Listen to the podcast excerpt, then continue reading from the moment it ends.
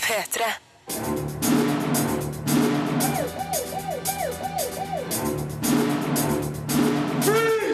Filmpolitiet! What's your name, dude? Birger Vestmo. What kind of stupid name is that? Hallo, hva skjer i dag? Det her skjer i dag. Burning 2 har flere biler, mer fart og tøffere stunts. Havet brenner er en smertelig tidsriktig dokumentar. American Honey er en av årets aller beste filmer. Swiss Army Man er morsom og forfriskende. Og den britiske serien Kalde føtter gjør comeback etter 13 år. Jeg anmelder sesongpremieren. Dessuten skal Halvard Brein fortelle hvorfor Burning 2 ble innspilt på vinterføre. Skuespillerne Nina Husøy og Marie Blokhus snakker om klining og kjøring. Andrea Arnold forteller hvordan hun tok tempen på USA før innspillinga av American Honey. Og Daniel Radcliffe snakker om sin merkverdige rolle som lik i Swiss Army Man. Filmpolitiet. Filmpolitiet anmelder film.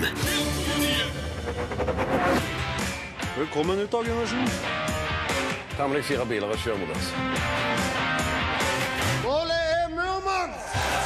Handlinga i Burning 2 er kanskje tynn som et blankslitt dekk, men det her er da heller ikke en type film som trenger en nyansert historie med mange fasetterte figurer. Det her er en reinspikka actionkomedie basert på velkjente sjangerelementer, og filmen fungerer best når regissør Halvard Brein bruker dem til fulle med en norsk vri. Moroa har en tendens til å stoppe opp når det dveles litt for lenge ved mellommenneskelige forhold, der tonen krasjer med den ellers gjennomgående lettheten. Heldigvis leverer Burning 2 mest av det som forventes, nemlig flere biler, mer fart og tøffere stunts, slik at oppfølgeren er på høyde med originalen. Det her er eh, Charlie, typen min. Nina skal ikke være med deg til Murmansk. Roy, spilt av Anders Baasmo Christiansen, slipper ut av fengsel etter hendelsene i den første filmens ulovlige billøp til Nordkapp. Nå forsøker han å bli lovlydig, men når dattera Nina, spilt av Ida Husøy, blir med den nye kjæresten Charlie, spilt av Jonas Hoff Oftebro, på et billøp fra Fosnavåg til Murmansk, blir Roy nødt til å følge etter.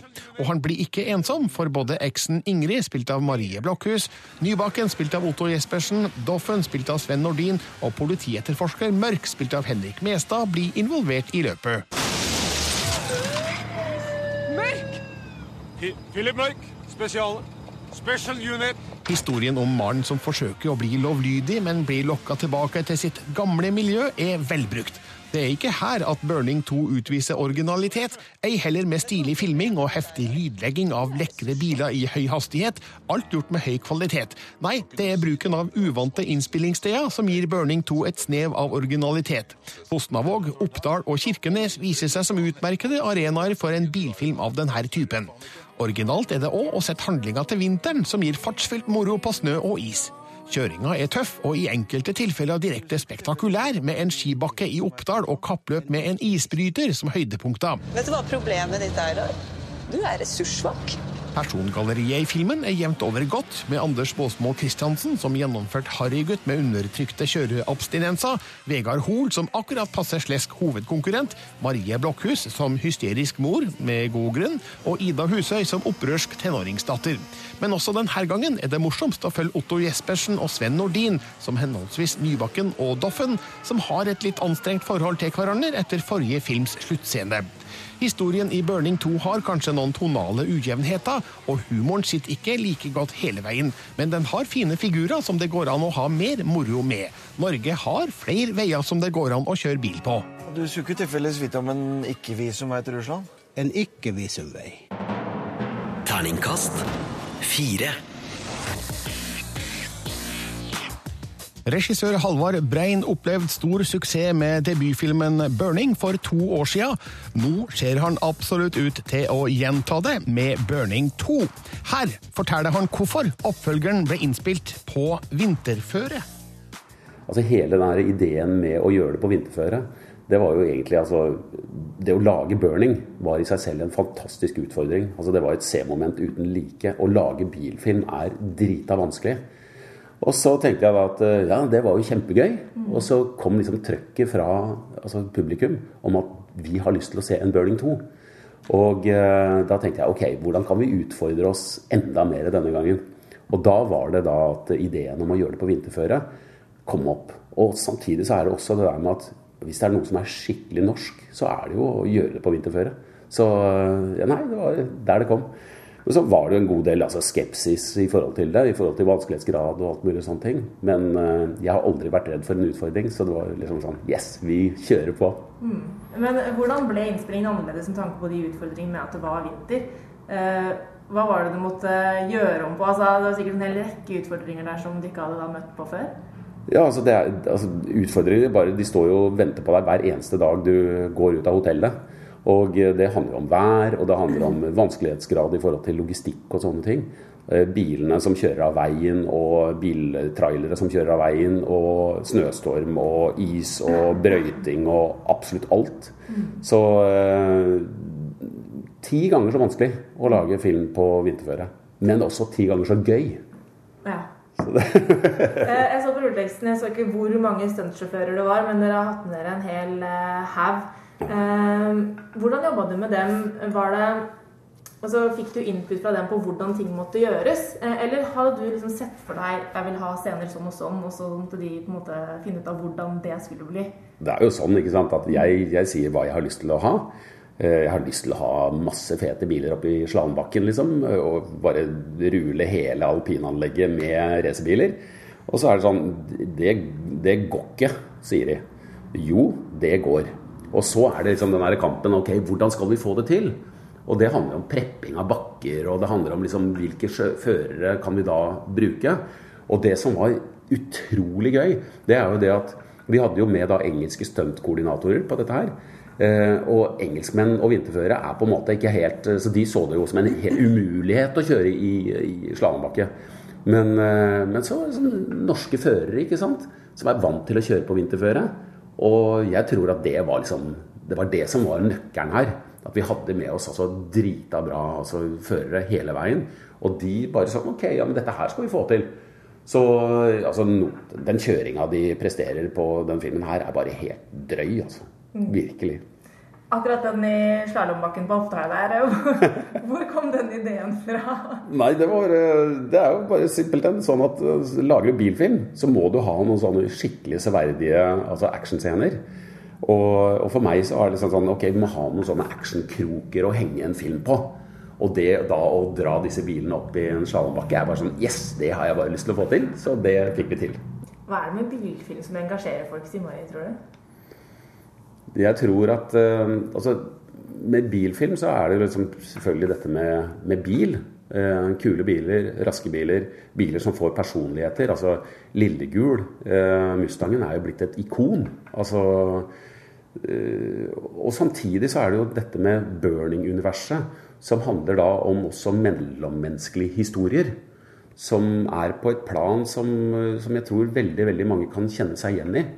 Det er litt sånn Eh, ja, trøblete greia mellom eh, Roy, som da kommer ut av fengselet og møter på datteren sin som plutselig er blitt ungdom, og det å akseptere dette.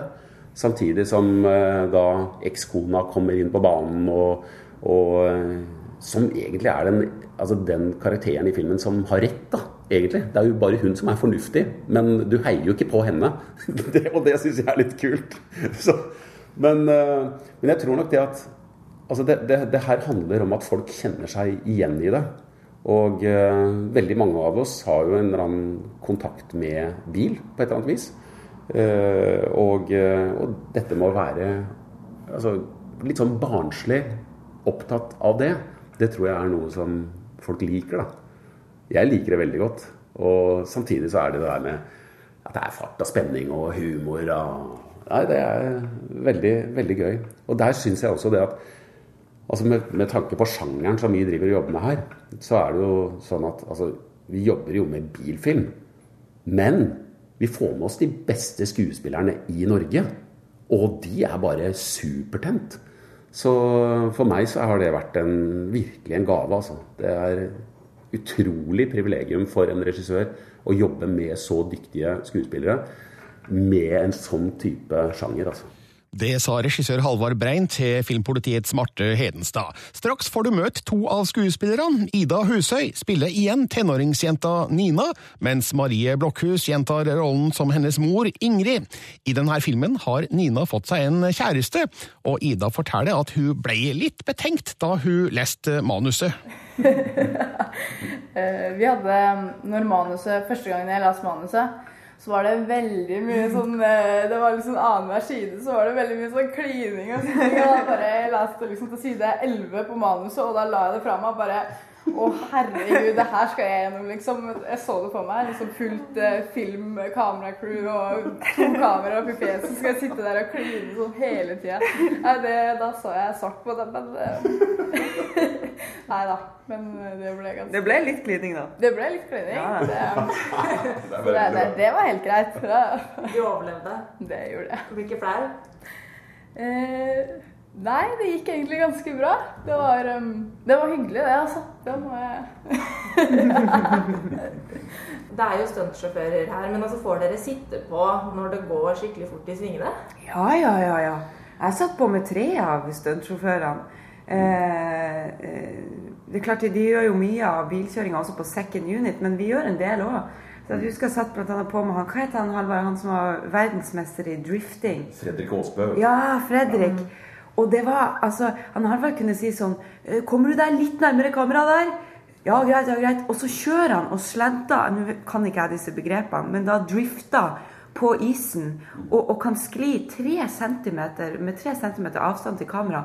Og du sitter på, og du er totalt rolig, fordi de har full kontroll. Så jeg fikk sitte på et par ganger der det gikk skikkelig fort ut på det isflaket der vi også holdt på. Og det var rett og slett som å være på tivoli. Det var skikkelig gøy. Og så er Marie så utrolig barnslig. Ja. Du var midt i blinken med meg. Har du noen råkjører i deg, du òg, eller? Jeg tror jeg har det. Jeg tror jeg har det. Jeg syns i hvert fall det er veldig gøy når det går fort og det er litt sånn tar et av. Hva med deg, da? Fikk du sitte på når det var noe skikkelig heftig? Ja, jeg har fått sitte på et par ganger. Og med Rikard, som eier Lillegul, så hadde vi en tur eh, opp i Nikkel der når vi kom inn til Russland. Og eh, tok en sånn stuntkjøring der, og det å su, det er så Det er jo helt rått. Det er jo dritkult. Det er så gøy når du sitter i en bil der du kjenner Uansett om det går kjempefort, så kjenner du eh, bare følelsen av motoren at denne bilen kan gå sikkert 50 ganger fortere. Mm. Altså Det føles ut som bilen er uovervinnelig på et eller annet plan. Veldig kult. Ja. Eh, nå spør jeg deg, hvor gammel er du nå? Er du 16? 16 år, ja. Har du begynt å øvelseskjøre? Om jeg har begynt å øvelseskjøre? Å ja da, det, det har jeg, vet du. ja, eh, absolutt. Jeg, jeg kommer fra Heidal. Uh, Lita bygd oppe i Gudbrandsdalen. Og der, vet du, der, um, der uh, cruiser vi, da, vet du. Det er jo litt sånn bilmiljø der også, men det er mye traktor og sånne ting, da. Så um, jeg har begynt å øvelseskjøre. Det det ser jo bra ut for en eventuelt Burning 3. Ja. At du har lappen. ok. Der var den planta. Ja, det var bra. Da blir det Halvard. Skal man få kjøre hvis det blir en Burning 3 og du har lappen? Blir det Burning 3, så blir det kjøring. Det skal jeg love. En sterk lovnad der altså, fra regissør Halvard Brein til slutt. Om det blir en Burning 3, avhenger nok av besøkstallene til Burning 2, men enn så lenge så ser det veldig bra ut. Nå kan du se Ida Husøy og Marie Blokhus i den filmen. Alle ble intervjua av Marte Hedenstad. Filmpolitiet anmelder film. Your position, please. Your position. Please, can you help us Okay. quickly? How many people? 150 people. We have small children. Please, can you help us? We are staying here in Det skal et særdeles hardt hjerte til for ikke å bli ille berørt av den italienske dokumentaren 'Havet brenner'. Den gir oss et bilde av situasjonen på øya Lampedusa i Middelhavet, som er et mål for afrikanske og vestasiatiske migranter. Inntrykkene er sterke og sitter i lenge etterpå, både pga. det som blir vist og det som blir fortalt. Filmens form er kun observerende. Her er det ingen fortellerstemme eller intervjusituasjoner, med ett unntak.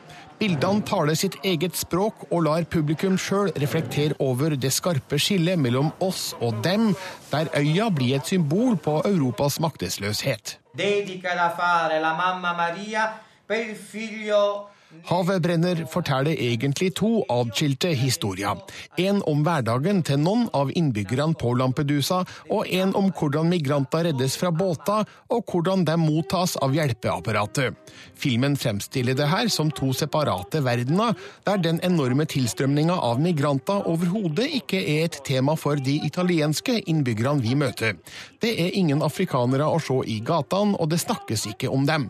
Migrantene er stua sammen i trange rom i leiren og venter bare på å bli frakta videre til det forjettede europeiske fastlandet.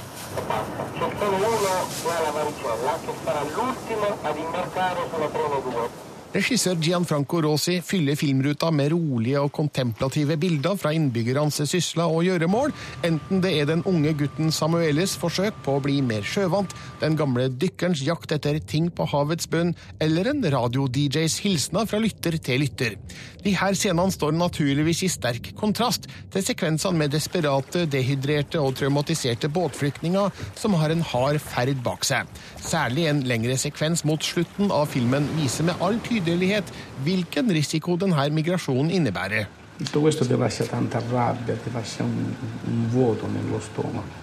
Havet brenner vant Gullbjørn på filmfestivalen i Berlin, og det var i hvert fall ikke ufortjent.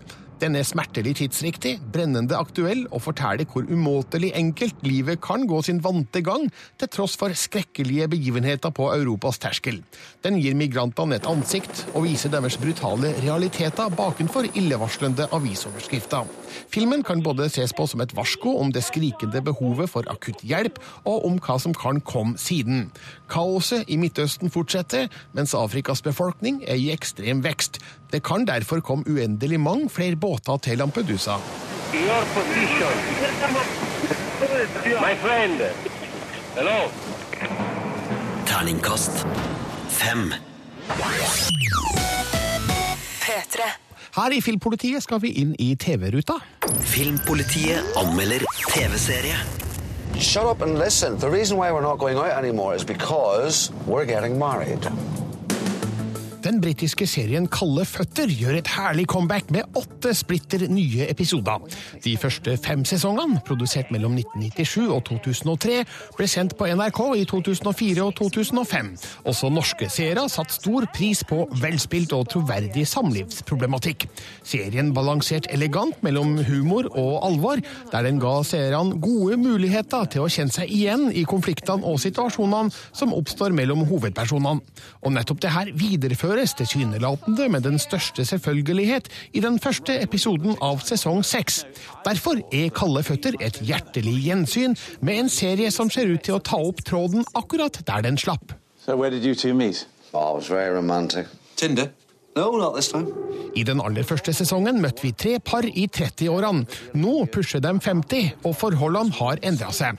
Adam, spilt av James Nesbitt, skal gifte seg med den mye yngre Angela, spilt av Karen David, i Singapore, og kommer hjem til Manchester for å overtale den motvillige tenåringssønnen Matthew, spilt av Kellack Spellman, til å komme i bryllupet.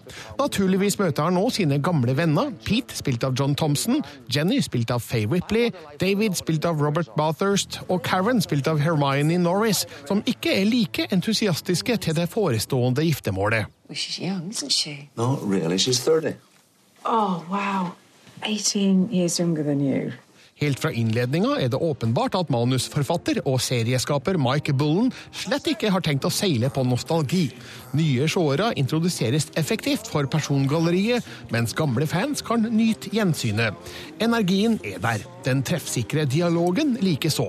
Figurene er de samme gode gamle, med sine klart definerte personlighetstrekk, til tross for at skuespillerne ikke har spilt rollene på over et tiår. Handlinga drives fremover av friske elementer som mange i 40-åra kan kjenne seg igjen i, spesielt dem som står foran eller er i gang med andre runde på ekteskapsfronten, noe som gir noen av figurene nye utfordringer og problemstillinger. He is making a terrible mistake and he knows it.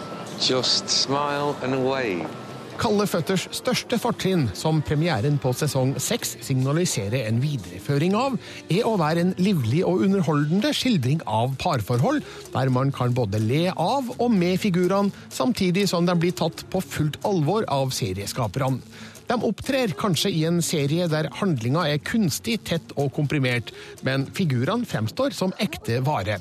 Kalde føtter kan både le og gråtes til, og sesongpremieren holder en såpass høy kvalitet at det skal bli særdeles hyggelig å se de sju neste. Maybe in middle age, that's the best we can hope for. Terningkast fem. Og du spør deg hvor kan du se Kalde føtter? Jo, det kan du på NRK2 på tirsdager eller på NRK TV. Og der ligger episode 1 fram til 3. november, så du har litt tid på deg. Filmpolitiet anmelder film. It's a business opportunity. We go door to door, we sell magazines, we explore like America, we party. Come with us. Den britiske regissøren Andrea Arnold gjorde inntrykk med sin forrige film Fish Tank. Med American Honey sementerer hun sitt rykte som en filmskaper med et svært spennende uttrykk. Dette er en feberaktig roadmovie gjennom USA med en utrolig nerve, stor energi og imponerende observasjonsevne. Den gir oss innblikk i den amerikanske drømmens bakside, med fattig ungdom uten muligheter, som omtrent lever fra hånd til munn hver dag. American Honey har et særegent visuelt preg, med et ekstremt tilstedeværende kamera som gjør det her til en rå film som river deg med på reisen. Not really. Okay. Filmen fører oss gjennom den glemte underklassen, den som ble kraftigst ramma da den siste finanskrisa slo til. 18 år gamle Star, spilt av Sasha Lane, lever et stykke under fattigdomsgrensa. Et tilfeldig møte med Jack, spilt av Shaya LaBeouf, fører hun inn i en omreisende gruppe unge mennesker som selger magasiner langs veien, under ledelse av Crystal, spilt av Riley Keff. Jack skal lære opp Star i hvordan man ringer på døra og gjennomfører salg. Ganske snart innleder de et hett forhold, men det skal vise seg at Jack vil holde det her skjult for resten av reisefølget. I've been trying to be Christian, but I can see the devil has a hold of the two of you. Andrea Arnold fyller filmruta med unge skuespillere som har stor utstråling og autentisitet. Noen av dem har aldri spilt i film før, og kommer fra lignende miljøer som dem som skildres. Shaya LaBeouf er den eneste filmstjerna blant dem, og jeg tør påstå at han gjør sin beste rolle noensinne som Jack, en energisk sjarmør med mørke sider. Midtpunktet er likevel Sasha Lane, som spiller rått, usminka og utemma som Star, ei ung jente som kjemper for å bryte ut av en fremtidsløs tilværelse, og lar seg lokke inn i en virksomhet som kanskje heller ikke har de største utsiktene, men er i det minste bedre enn det hun har fra før. Lane spiller fryktløst og intuitivt, og gir Star flere dimensjoner som gjør hun til en sterk, levende og interessant figur. Where you going? To make money. Hop in. American Honey er et strålende eksempel på hvordan man kan lage film med små ressurser, men med et stort hjerte.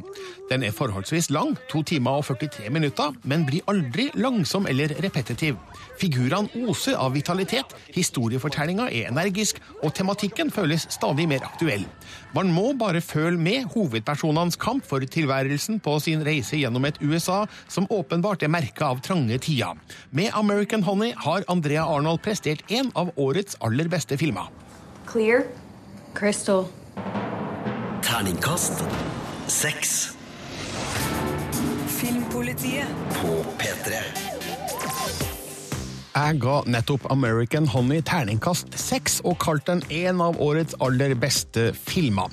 Kvinnen bak heter Andrea Arnold. Hun er britisk og kjent for filmer som Fish Tank og Wuthering Heights. Da American Honey deltok i hovedkonkurransen i Cannes i mai, fortalte Arnold på en pressekonferanse at hun måtte ut på tur gjennom USA før innspillinga for å ta tempen på landet. Det var ikke bare en fryd. It was interesting because once I started looking at it, I realized I didn't really know the United States intimately, not really.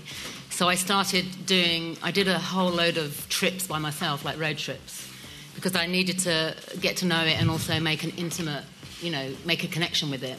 So I did a whole bunch of trips. I've, I've, I've almost, I haven't done completely every state, but I've done across the south, down the east, down the middle, uh, uh, down for. I, I, I started off by doing sort of the West, and that's very dramatic. And when I talked to the crews, they just told me that everywhere they went was really flat. So then I started doing the East and Texas, and and actually it's quite interesting when you're traveling by yourself in those places, and it is really open and really flat for you know just endlessly. It does have an impact on how you feel, and um, I had some quite uh, quite uh, difficult times actually by myself traveling and being in all that sort of open wilderness. I got to see an awful lot of America, and I think I formed an awful lot of. I think the film is a little mix. Is a mix of what I grew up with, the America that I grew up with, which I mostly saw through Hollywood. Uh, you know, Little House on the Prairie and uh, cowboys and uh, these things. It's a mix of that, which was my sort of romanticized idea of it, and uh, and a mixture of actually the contemporary America that I saw when I did my trips. I got to see an awful lot as I was traveling. Um, I got quite upset about some of the, some of the towns I went to, some of the poverty I saw, and um, it seemed really different in, uh, to me than than in the UK. You know, because when people don't have money, they can't get healthcare and they can't get, uh, you know, go to, you know, do things like go to the dentist and stuff like that. And, and those kind of things really shocked me. There was one time we were in West Virginia in a tiny town, and um, this town had like a, a drugstore and um, about three drugstores, pharmacies, in a tiny, tiny town. And I thought, wow, three pharmacies in a tiny town, that's really interesting. And then we went into one pharmacy, and there were like five people behind the counter. I found that quite interesting. And I asked them what were they, you know, dishing out, and they said they were dishing out painkillers to older people and uh, antidepressants to young people.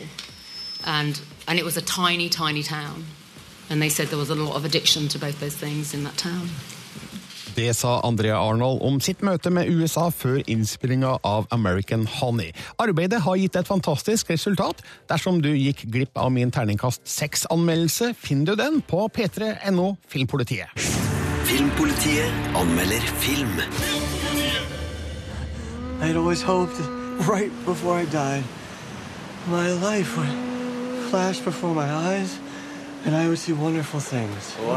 Swiss Army Man er en av de underligste filmene jeg har sett på lenge.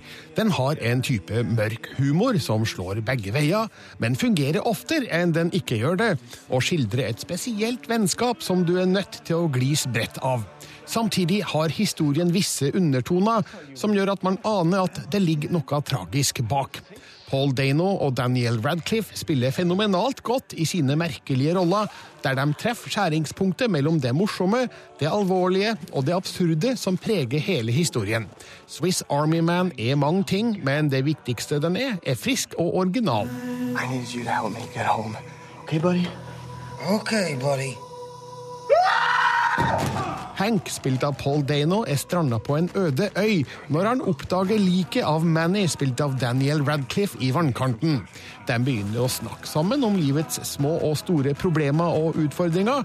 Hank oppdager òg at Mannys kropp kan brukes til så mangt, og de legger sammen ut på en ganske spesiell odyssé mot sivilisasjonen. I thought you were dead. Am I dead? I don't think so. You're talking. Swiss Army Man fungerer på sitt forunderlige vis med en herlig kombinasjon av humoristisk alvor og absurd slapstick. Regissørene og manusforfatterne Dan Kwan og Daniel Scheinert har tydelig latt seg inspirere av filmskapere som Spike Jones og Charlie Kaufman. Vi befinner oss i et absurd univers med en type fantasifull historiefortelling som kan minne om filmer som Adaptation og Til hutetuenes land. Enkelte ganger tyr Kwan og Scheinert til vitser om kroppsfunksjoner. Andre ganger bruker de enkel dialog til å diskutere dype sannheter. Det går opp i en høyere enhet som fungerer overraskende godt. Like. And that's why I need you to help me get home.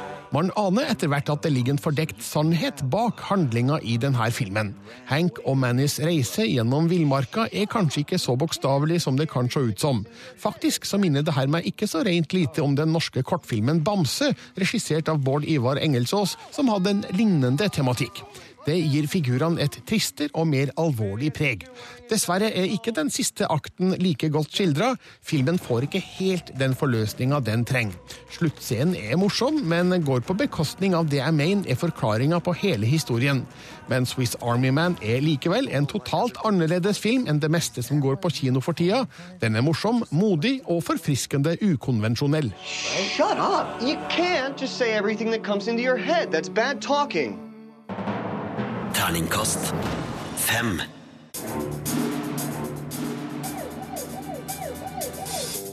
Premierefilmen Swiss Army Man er altså morsom og forfriskende ukonvensjonell. Jeg ga den terningkast fem. En av hovedrollene spilles av Daniel Radcliffe, som sjølsagt er kjent for de fleste fra Harry Potter-filmene. Nå spiller han sin karrieres merkeligste rolle. NRKs London-korrespondent Espen Aas har møtt Radcliffe. So this is the life I've forgotten.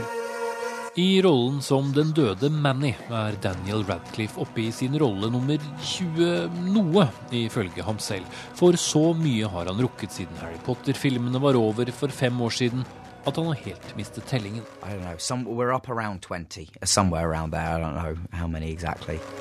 Men eh, Swiss Army Man, den var det noe helt spesielt med, forteller han til NRK når vi møter ham i hans hjemby London. Yeah, no, this is you'd be definitely you'd be fair to say this is this is one of the um, the stranger roles films I've. I also think it's one of the most um, beautiful films I've ever been in, and one of probably one of the um, one of the things I'm proudest of, definitely. Det er vel ikke fritt for at promping og ereksjoner har vært samtaleemne hos de som har sett Daniel Radcliffe og Paul Dano i aksjon i denne filmen.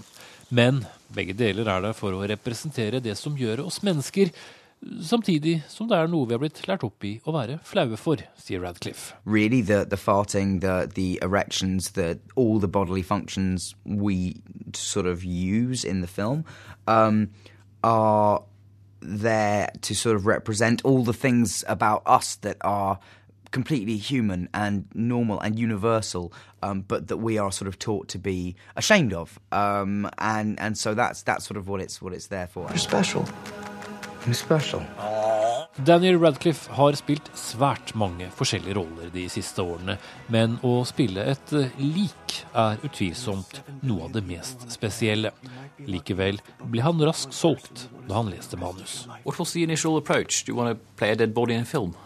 I was sold very quickly. Like I was, I there there is so much imagination and originality just leaping off every page of that script um, that it was just something that I immediately knew that I wanted to be a part of. Um, and yeah, I mean, it really was one of the most special experiences to to make it, and then to to see it sort of you know come to life like this and and hands it over to the wider world is very exciting. Oh my god.